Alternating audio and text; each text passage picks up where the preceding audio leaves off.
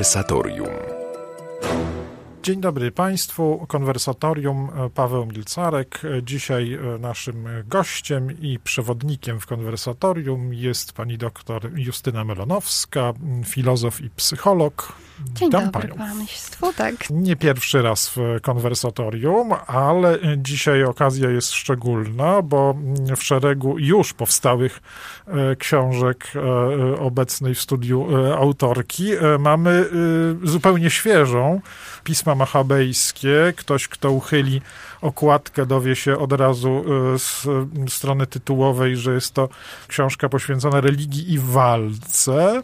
Ktoś, kto przesunie dalej kartkę następną, dowie się jeszcze, że a nie, to innym razem. Zaraz przejdziemy do rozmowy o tym, komu jest ta książka dedykowana, ale najpierw zatrzymajmy się przy tej, przy tej religii i walce. To są, e, jak sądzę, tu referuję swoje wrażenia, oczywiście tematy, które zwykle trzymane są bardzo na dystans. Dwa zagadnienia, dwie rzeczywistości, które trzymane są na dystans i zdaje się, to jest również jakimś problemem, który pani w tej książce rozpatruje, że w jednym miejscu walka, a w drugim miejscu religia, jakby one nie powinny mieć ze sobą wiele wspólnego. W środku dowiadujemy się jeszcze, że tym polem, na którym e, albo dochodzi do spotkania, albo trzyma się dystans, jest Europa. Tak, dowiadujemy się, że to jest trzeci taki właściwie tytuł, trzecie pole, tak, które, tak. które tam pani wyznacza. A ja bym powiedział jeszcze, że jak się tę książkę zamyka, to jednak ma się mocne wrażenie, że to jest książka, w której religia,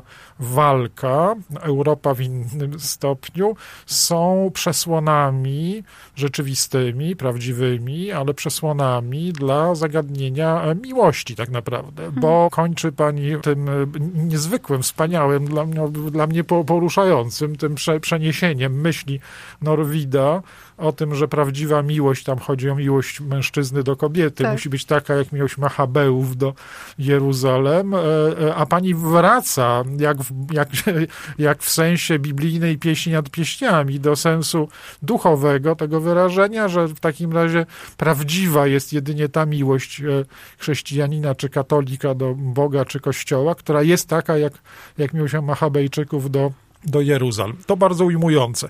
Bardzo bym się z tego wszystkiego ucieszył, ale, Gdyby nie to. ale muszę powiedzieć, że e, jestem zdziwiony. Dlaczego pani zaczyna tę piękną książkę od lęku o bibeloty, od tego, że znikają zapachy starych rzeczy. E, Kończy też pani trochę tym niepokojem o to, że w stołówce e, szkolnej pani szkoły poprzestawiali meble. To jakaś jest mniejsza perspektywa. O co chodzi? Nie wiem, czy ona jest mniejsza. Myślę, że w skali jednostkowego życia wcale mniejsza być nie musi, a tutaj chyba y, a od tego się zaczyna. Zaskoczył mnie pan tym pytaniem i zaplątałam się w słowa. Ale powiedzmy sobie, e, że e, książka się zaczyna właściwie nawiązaniem do Czesława Miło- Miłosza rodzinnej Europy i do tego, jak to on postanowił napisać książkę Europejczyku Wschodnim, a stało się to tam wówczas, gdy stał w jakimś szwajcarskim domu i e, kiedy patrzył na malowane w kwiaty meble, to poczuł, przywołał to w nim żywe wspomnienie jego dzieciństwa, e, czy jego też stron, e, stron ojczystych. E, Poczuł jakby zapach, zapach swojski i, mm, i tak zrodziła się myśl o tym, by napisać książkę o Europejczyku Wschodnim. I otóż ja bym powiedziała, że y, zupełnie podobne, podobne doświadczenia stały u początku pism machabejskich, to znaczy poczucie e, gryzącej tęsknoty, poczucie czegoś, co zostało utracone przeze mnie, e, nie przez Europejczyka jako takiego, tylko przez Europejkę Justynę Melonowską, przez również katoliczkę Justynę Melonowską i to doświadczenie, doświadczenie straty, ono nie było zrodzone w jakimś szwajcarskim domu, albo nowozelandzkim, albo francuskim, albo rosyjskim. Okazuje się, że ono jest zrodzone w moim własnym domu, to znaczy w, w, w mojej Polsce, w, w, w kościele katolickim, w który jestem włączona. Nagle okazuje się, że te zapachy są niewyczuwalne i są tylko jakieś właśnie znaki utraconej obecności. I tak właśnie stojąc pośród bibelotów, postanowiłam napisać książkę o Europejczyku katolickim, nie o Europejczyku wschodnim. A anegdotka z liceum to pan tutaj bardzo zniekształcił, gdyż nasi słuchacze mogą nie wiedzieć, że to było nie byle jakie liceum, tylko liceum urszulińskie i myślę, że zrozumieć może nie tylko ktoś, a takich osób prawdopodobnie nie ma zbyt wiele, kto mógł się ukrywać na przykład z kanapką pośród tumb średniowiecznych władców, prawda, śląskich i tam się na przykład kryć przed, kryć się przed siostrami, w ogóle mieć tak, takie, takie swoje miejsca zadumy, ucieczki i żyć w tym przenikaniu się. I rzeczywiście, kiedy wróciłam po wielu przenikaniu się różnych czasów, ponad epokami właściwie, i rzeczywiście, kiedy wróciłam wiele, wiele lat później do mojego liceum, okazało się, że stoły w refektarzu zostały przestawione, a pracownica tejże szkoły powiedziała mi, że to już trzy lata, jak, jak te stoły zostały przestawione, i wówczas zmieniła się moja percepcja, percepcja czasu, to znaczy do metafory heraklitejskiej rzeki, tak naprawdę dołożyłam swoją własną metaforę jeziora, znaczy czasu jako jeziora, jako wody stojącej, która ma pływy, która ma ma swe dynamizmy, ale która nie musi porywać wszystkiego, co się pojawia na jej drodze. Można zrzucić kotwicę, która zatrzymuje Prawda. nas na, tak. na środku. Pani pisze o tych różnych kotwicach, które bywają e, najpierw obciążeniem, tak? Się odczuwa je jako takie pola niezrozumiałe, albo rzeczy, które mają taką e, już oderwaną od naszego e, w tej chwili zaciemnionego doświadczenia osobistego, taką historię, że y, właściwie na początku są tylko kotarą, tak, Przes, przesłoną. Dopiero mhm. w pewnym momencie ona, można by było powiedzieć, jest na tyle ciekawa, że prowokuje do tego, żeby powiedzieć, e, że chciałbym zobaczyć, co jest za, za, za tą kotarą. Co jest ciekawą metaforą, bo ja sobie przypominam, że u Józefa Ratzingera w duchu liturgii jest jest taka potem często podejmowana metafora, no, opisywał odnowę liturgiczną, tą z mhm. początku, z pierwszej połowy XX wieku, poszukiwania źródeł e, liturgicznych, potem realizację pewnych, e, jakby to powiedzieć, odsłon e, dziedzictwa i tradycji, jako takie odejmowanie kolejnych warstw tych domalowanek różnych do fresku. I na końcu okazuje się fresk i przez chwilę zachwyca, po czym okazuje się bezbronny wobec nowej atmosfery. E, to pani też nas wprowadza w taką podróż, tak się trochę, trochę to tak jest, rozumiem także z tego, co przed chwilą usłyszałem. To jest po części doświadczenie wszystkich nas, e, którzy szukali tego, co istotnie niezmienne. Jest pewna droga, która jest, nie, nie jest drogą machabejską, bo nie jest drogą od czegoś, co już nam dano, tylko drogą odkrycia czegoś, mhm. czego się chwycimy i będziemy mocno się tego trzymali, tak? Jest jakaś droga odkrywcza bardziej niż, e, niż wyłącznie zachowawcza. To prawda. Y, zastanawiam się jednak, czy ta droga nie może być machabejska, w takim y, znaczeniu, że jednak machabeusze walczyli o prawo i o obyczaje, prawda? I w gruncie rzeczy, kiedy, kiedy ta e, kotara się podnosi, to ona się też jakby podnosi nad prawem, to znaczy w tym sensie, że w takim świecie powiedzmy pewnego permisywizmu, pewnej zgody, wszechakceptacji, wszechtolerancji, e, uniesienie kurtyny nad prawem jest uniesieniem kurtyny, jeśli tak można powiedzieć, z nadzakazu, tak? To znaczy na nowo wchodzi w obręb twojego zainteresowania kwestia nie, kwestia zakazu, kwestia obligacji, kwestia tego, czego nie wolno, nie powinieneś, nie możesz, etc., etc., e, a więc kwestia e, prawa, prawa, które mówi e, nie kradnij, nie cudzołóż. Więc jakby pojawia się już dosyć wcześnie na tej drodze odkrywania, nawet można powiedzieć, że w naszej ludzkiej naturze pojawia się taki element, e, który jest jednak elementem machabejskim, to znaczy walki o prawo. A dalej się pojawia kwestia tego obyczaju, obyczaj jest nie, nie, niezwykle ważny. Jak ważny, to dopiero znaczy wcześniej wiedziałam, jak on jest ważny, ale nie umiałabym na ten temat zbudować żadnej sensownej wypowiedzi. Dopiero właśnie po części zaczęłam pisać tę książkę, żeby się dowiedzieć, dlaczego tak ważny jest, dlaczego tak ważny jest obyczaj. Obyczaj od, odsyła już do tego, co jest bardziej, powiedzmy, mm, zewnętrzne, wspólnotowe. Nie musi być wspólnotowe, może też być takie ogólnospołeczne, ale mogę się względem jakiegoś, wobec jakiegoś obyczaju czuć, jakby powiedzieć, wyalienowana czy samotna. Tak czy inaczej, również o obyczaj można walczyć, albo można rezygnować z walki o niego. To jest w gruncie rzeczy ten wielki dylemat, przed którym stoi społeczeństwo, stoi społeczeństwo współczesne. Społeczeństwa współczesne są społeczeństwami, powiedziałabym, bardzo machabejskimi, czy, czy machabejskimi arebur, w tym sensie, że walczą o zniesienie prawa i zniesienie obyczaju, prawda? Więc dosyć wcześnie, na wczesnym etapie takiej namysłu pojawia się pytanie o to, jaką rolę ma pełnić prawo, obyczaj i walka o nie w twoim własnym pejzażu, ale też w twojej wspólnocie i co chcesz dać społeczeństwu. Tak, czy, czy, co, ja chcę dać społeczeństwu, na przykład tą książką, która jest książką machabejską.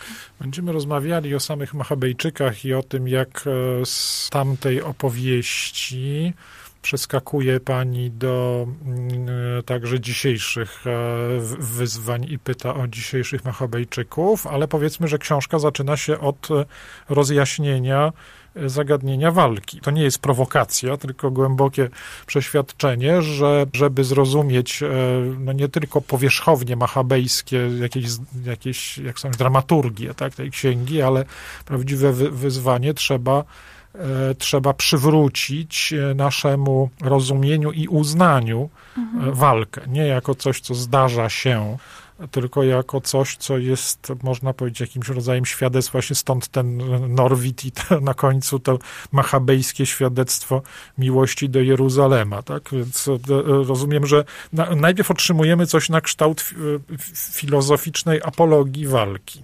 Jestem głęboko przekonana, że, e, że walka jest po prostu e, częścią życia i to począwszy od takich systemów biologicznych aspektu bios, czyli po prostu wszystko, co żyje, jakoś toczy walkę, począwszy na takich systemach zorganizowanych jak systemy społeczne czy cywilizacje. Ale myślę też, że my w, na Zachodzie w XXI wieku jesteśmy w sytuacji takiej wyjątkowo zdradliwej, to znaczy, gdzie mówi nam się, że walka jest czymś niepożądanym, że pożądany jest pacyfizm, tolerancja, dialog, permanentna perswazyjność. Ja ten pogląd, ja ten pogląd odrzucam, a nawet staram się na tyle, na ile jest to możliwe w formie e, wypowiedzi eseistycznej, pokazać czy przekonać czytelników do tego, że społeczeństwa które rezygnują z walki, czy które, czy które ją represjonują, w gruncie rzeczy są skazane, to będą społeczeństwami silnie przemocowymi. To znaczy, i rozróżniam przemoc od, przemoc od walki. W tym zestawieniu widzimy, że walka jest czymś, co jest zasadniczo godziwe. To znaczy, z walką się wiąże pojęcie honoru, pojęcie pardonu, ale też walka jest konkluzywna. No, można ją wygrać. Ktoś je, ustalamy zasady walki i ktoś albo wygrywa walkę, albo ją przegrywa, prawda? Z przemocą nie wiążemy ani pojęcia pojęcia honoru, ani pojęcia pardonu, e, ani też nie musi ona być konkluzywna. No możemy co najwyżej kogoś skutecznie wyeliminować, ale w sposób, który będzie sposobem niegodziwym. Ale to, co jest e, ważniejsze, to to, że walka zakłada podmioty, które są sprawcze, między którymi jest pewne e, podstawowe przymierze co do, co do sprawy, o którą toczą, co do tego, co do sprawy, o którą toczą bój. Podczas gdy przemoc ktoś sprawia na kimś, ktoś na kimś dokonuje przemocy, stosuje przemoc, walki się nie stosuje na kimś, prawda? Do walki się kogoś wzywa, do walki się kogoś zaprasza, ktoś staje do walki. To jest działanie o wiele bardziej podmiotowe.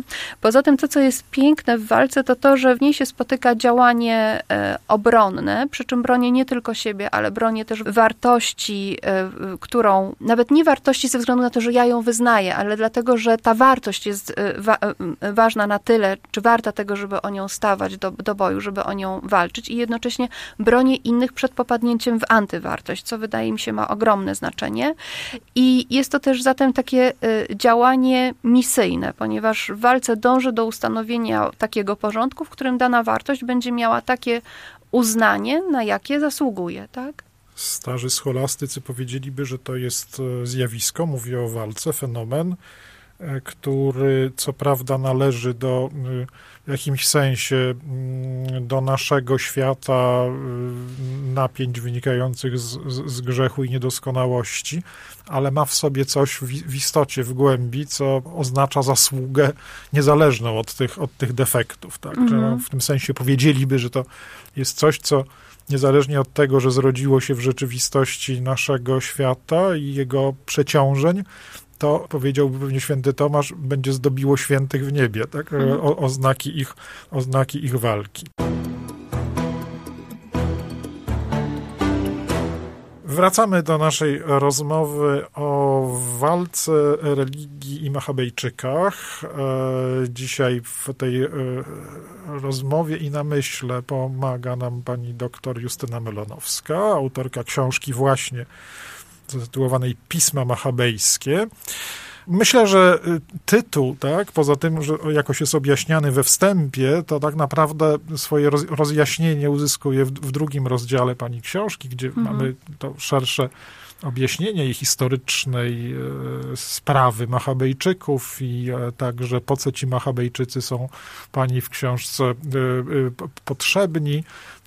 Mamy opowieść o tym, co by to miało w sensie literalnym znaczyć, ta opowieść o Machabejczykach, jaka jest, co na ten temat wiemy, jak się co do tego uczeni w czymś zgadzają lub nie zgadzają, ale oczywiście przez te wszystkie niezbędne, potrzebne mm, zastrzeżenia i mm, objaśnienia idziemy do zasadniczego moralnego problemu, tak, który już mhm. mieli trochę trochę go dotknęliśmy. Tyle tylko, że że pani nie tylko nam, nie, nie tyle nam objaśnia, szybko się o tym przekonujemy, nie tyle nam objaśnia, że kiedyś w przeszłości byli tacy Machabejczycy, którzy nas mogą poruszać swoją gotowością do walki, ale że problem Machabejczyków e, jest obecny w naszych czasach. E, i ciekaw jestem, jak po tych wszystkich rozważaniach, czy pani sądzi, że ten problem po prostu się w naszych czasach na różne sposoby uobecnia, czy jakoś się modyfikuje, czy, czy, czy to są te same wyzwania? E, no bo tam mamy, mamy Antiocha, mamy cały obraz tak, tak, tak. hellenizacji jest... Dokładnie, to jest, może wyjaśnijmy no, słuchaczom, bo nie wiem, e, tak, tak, tak. tak, kiedy ostatnio czytali, czytali księgi machabejskie, nie wiem jak one są popularne wśród ksiąg biblijnych, prawda, czy kiedy bierzemy wieczorem pismo do lektury, to akurat nasze myśli biegną ku księgom machabejską, kim zdziwiłabym się, ale wydaje mi się, że to są księgi, znaczy mnie te księgi zainspirowały, ale też Próbuję nie użyć czasownika poraziły, bo wydaje mi się taki po prostu pełen takiej zbytecznej emfazy, ale chwilowo nie przychodzi mi do głowy, nie przychodzi mi do głowy lepszy. W każdym razie jest tutaj zreferowane jedno z najbardziej konfundujących wydarzeń w, w historii e, żydowskiej, ale też historii powszechnej. Trochę przekonujemy się, że historycy współcześni też nie podchodzą trochę do, jak przysłowiowy pies do jeża, znajdują dużo, mają różnorakie wątpliwości. Czasem e, wątpliwości związane z datowaniem, tam będą będą nie, nie, niewielkie przesunięcia o rok, ale w gruncie rzeczy bardzo ważne będą bądź nie będzie tych przesunięć. W każdym razie na ten temat trwa debata, ale też trudno jest im zrozumieć w ogóle istotę tego, co się wydarzyło. Dlaczego wzniecono, dlaczego pobożni Żydzi, bardzo nieliczni, wzniecili nieprawdopodobną, e, krwawą e, rewoltę, co więcej zakończoną, e, zakończoną sukcesem, przeciwko czemuś takiemu jak obyczaj. Ponieważ rzecz toczyła się za czasów Antiocha IV Epifanesa, który chciał poddać Żydów przymusowej hellenizacji, chciał zmienić, no to są właśnie te wszystkie szczegóły, które są nie do końca jasne, co on chciał zmienić, w jakim zakresie, nad tego dotyczy debata. I ja ją na tyle, na ile to jest konieczne, referuję, referuję w tym eseju. Chciał zmienić Żydów wedle swojego mniemania, czy właśnie dostosować ich obyczajowość do obyczajowości zewnętrznej, narzucić im normy panującego imperium czyli generalnie chciał ich po prostu poddać helenizacji.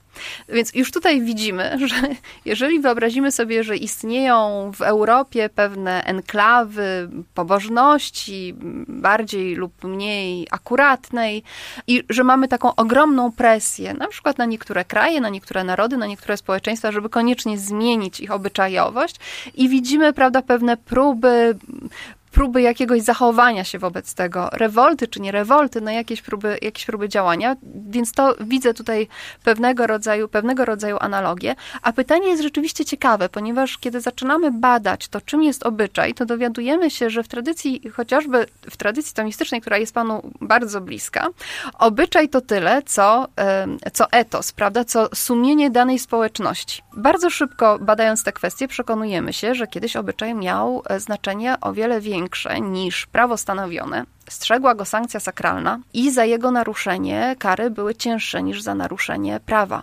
W związku z czym powiedziano by, że psucie obyczaju jest de facto psuciem sumienia danej społeczności, jest po prostu psuciem ludzkiego sumienia. I można powiedzieć, że y, Machabeusze, stając do, y, do walki o, o swoje obyczaje i o swoje prawa, stawali po prostu y, do walki nie tylko o swoją podmiotowość, o to, by decydować sami, samymi o sobie, czy sami o sobie, ale stawali do walki o właśnie o kształt swojego sumienia, o to, co będą rozumieć za dobre, co za złe, co za godziwe, co za niegodziwe oraz o, o, również o sposób, w jaki zamierzają czcić, czcić Boga.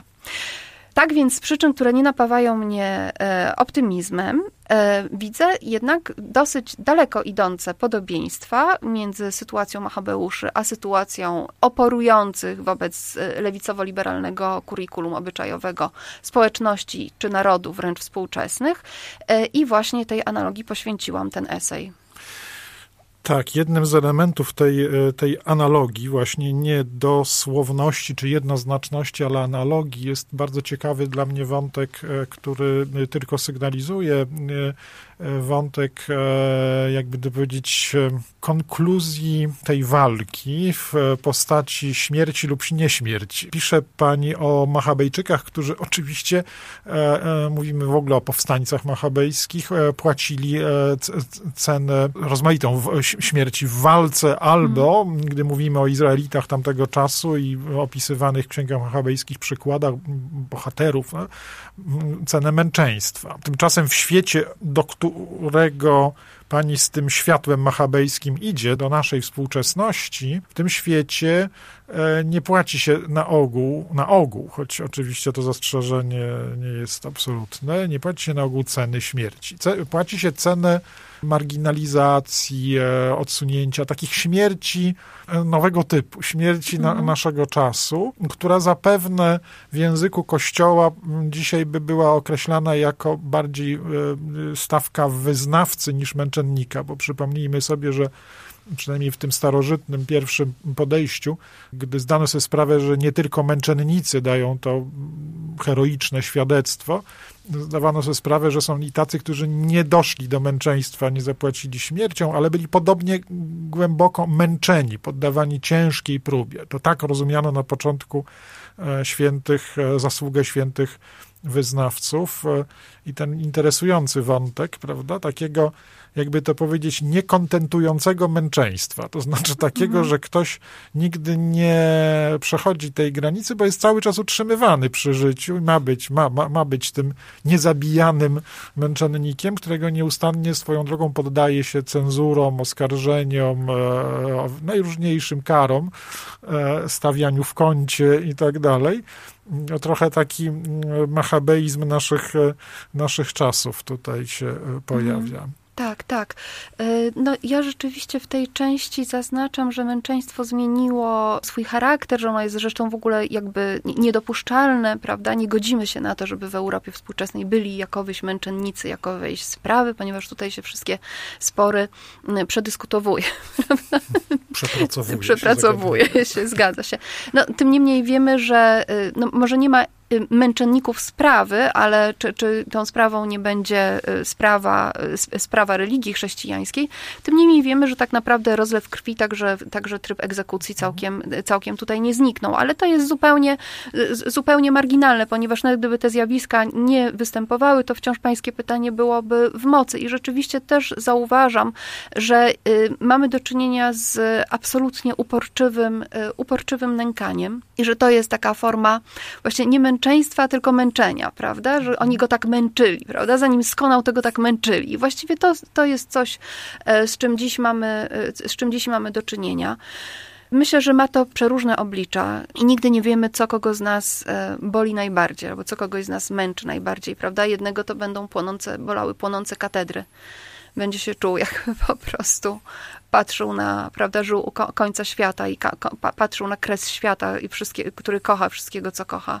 Kogo innego może zawłaszczanie i taka parodyzacja y, tradycji religijnej, z którą mamy w tej chwili do czynienia. Coś, co jest po prostu zupełnie, zupełnie niesłychanego i co jest formą, um, nie pamiętam, czy to Burkhardt określał, czy któryś z autorów cywilizowanego barbarzyństwa. To znaczy, rzeczywiście mamy do czynienia e, z nowymi barbarzyńcami, przy czym zdają mi się oni o wiele mniej interesujący od dawnych barbarzyńców.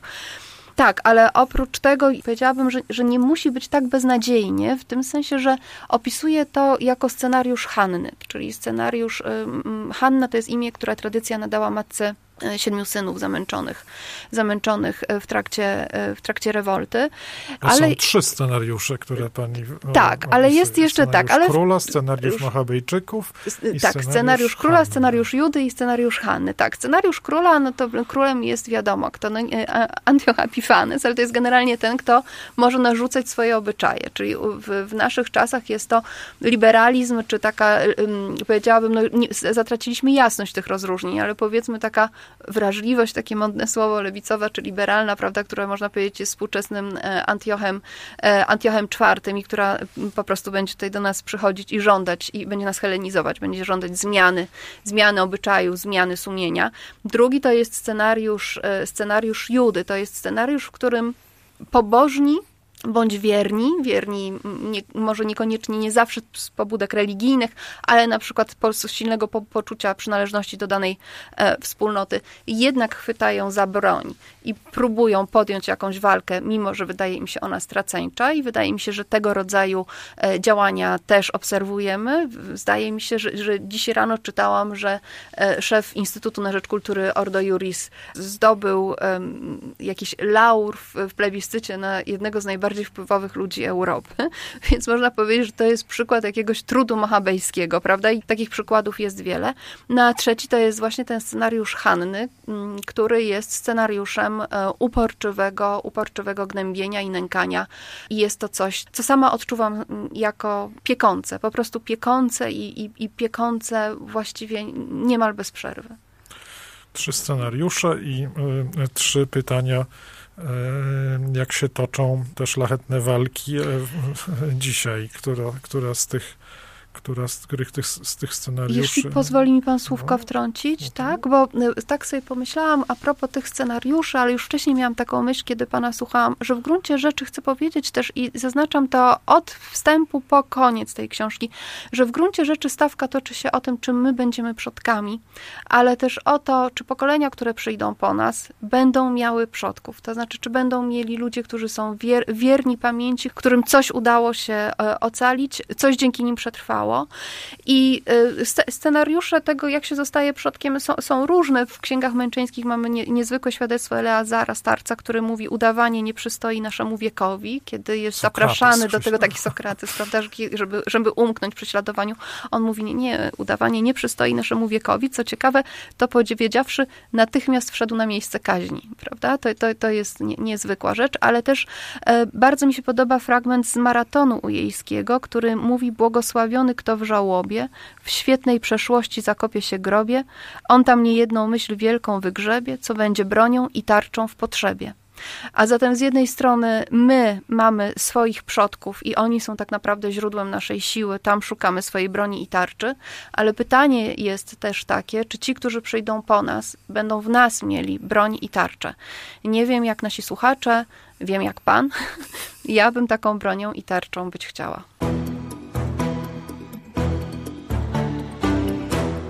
Wracamy do rozmowy o religii i walce, o książce Pisma Machabejskie e, obecnej w studiu pani dr Justyny Melonowskiej.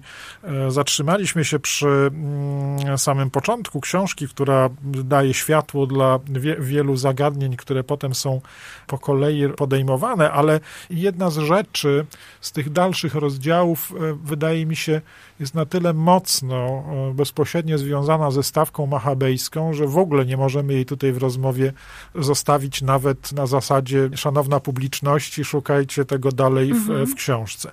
Jest to problematyka związana z rozdziałem e, o Marcie i Marii. Ta o kolejność odwrócona jest tutaj trochę e, właśnie kolejnością, która sugeruje problem, e, że właśnie w odróżnieniu od długiej tradycji chrześcijańskiej, w której się widziało pierwszeństwo Marii w stosunku do Marty, oczywiście nie tyle pierwszeństwo jakiejś hierarchii absolutnej, tylko pierwszeństwo w sporze, który znamy z, z, ze sceny ewangelicznej. Maria lepszą cząstkę obrała. Marta w tej scenie jest trochę taką osobą nierozumiejącą stawki i także swojej własnej możliwości ale ten rozdział nie jest zawieszonym e, na poziomach e, gdzieś rozważań świętego Grzegorza Wielkiego i kolejnego teologicznego takiego traktatu ornamentu, tylko jest wejściem w burzliwą rzeczywistość katolicyzmu w XX wieku.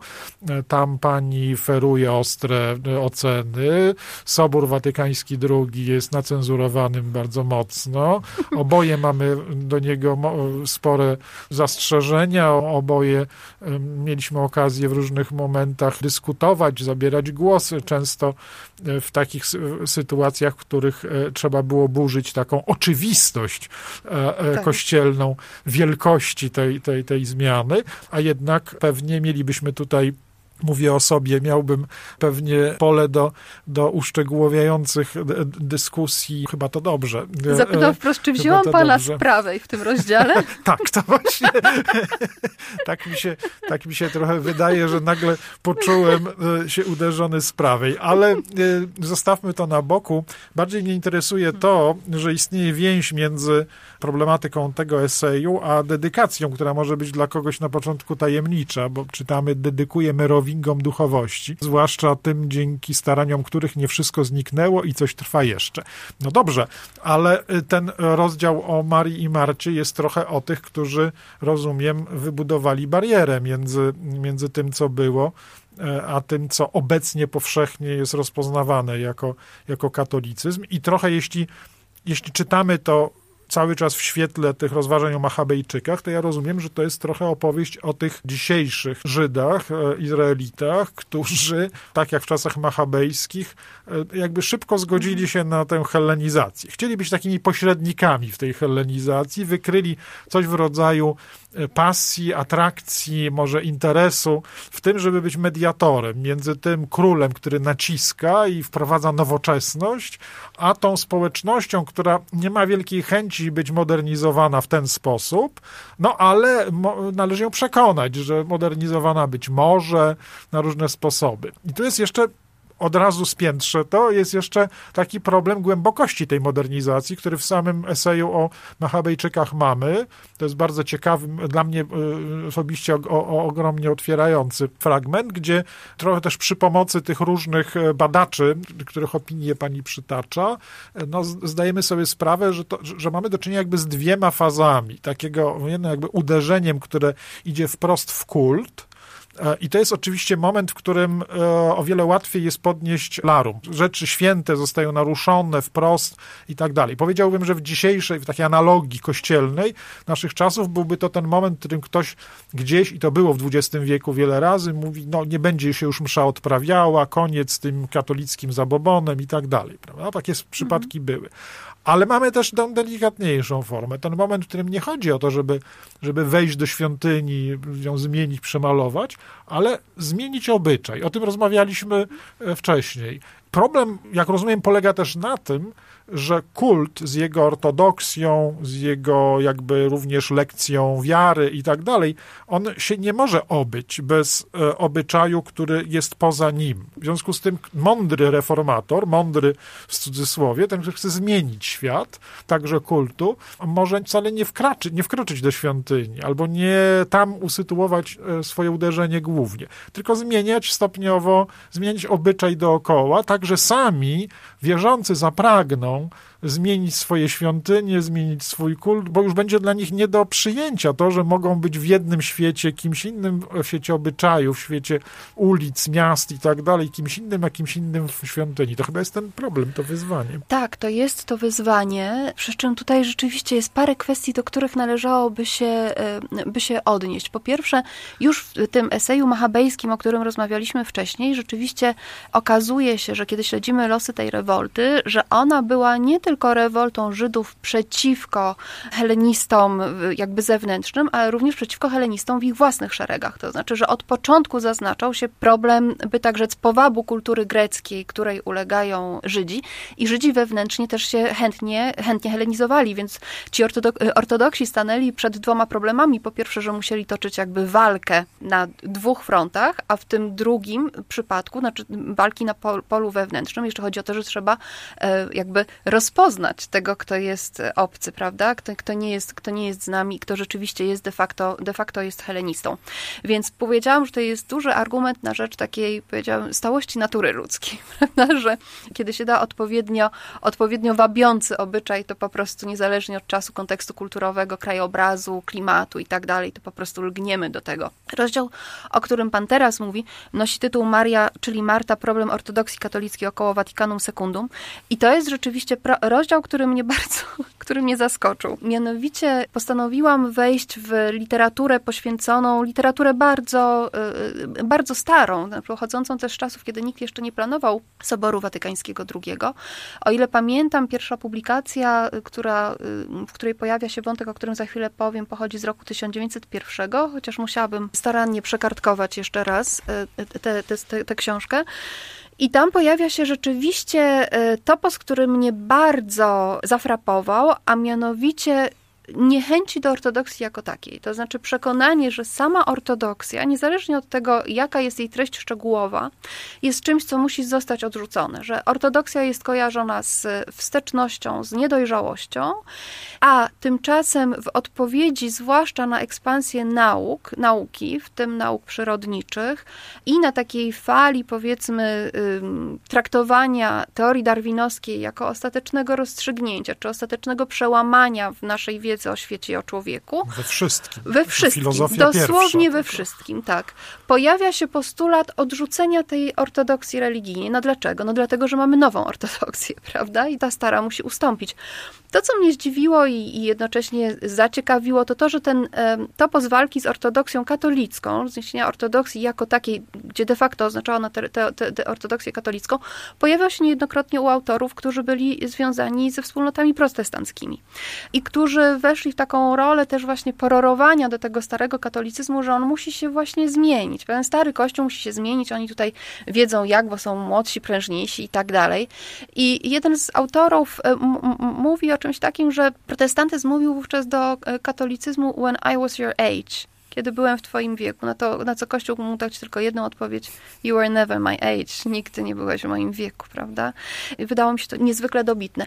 Natomiast zastanawiam się, czy nie wzbudza naturalnej czujności naszego słuchacza, gdy na przykład w podręczniku Teologię XX i XXI wieku czyta to, co dokonało się w przestrzeni Kościoła i w teologii XX wieku oraz ma miejsce na początku XXI wieku, trudno nawet wprost ogarnąć i wypowiedzieć. Otóż ja byłabym w najwyższym stopniu zatroskana gdybym się dowiedziała, że w dziejach dwutysiącletniej e, instytucji mamy, no powiedzmy, sto kilkadziesiąt lat, których mamy taką produkcję e, wszelaką, że nie jesteśmy w stanie w ogóle ogarnąć ani ocenić samego tego okresu. Po pierwsze, sądzę, że to jest wzniesienie absolutnej bariery e, między nami a tym, co było wcześniej, no bo najwidoczniej potrzebujemy ogrom czasu i energii skonsumować na to, żeby spróbować jednak się zorientować, w czym jesteśmy.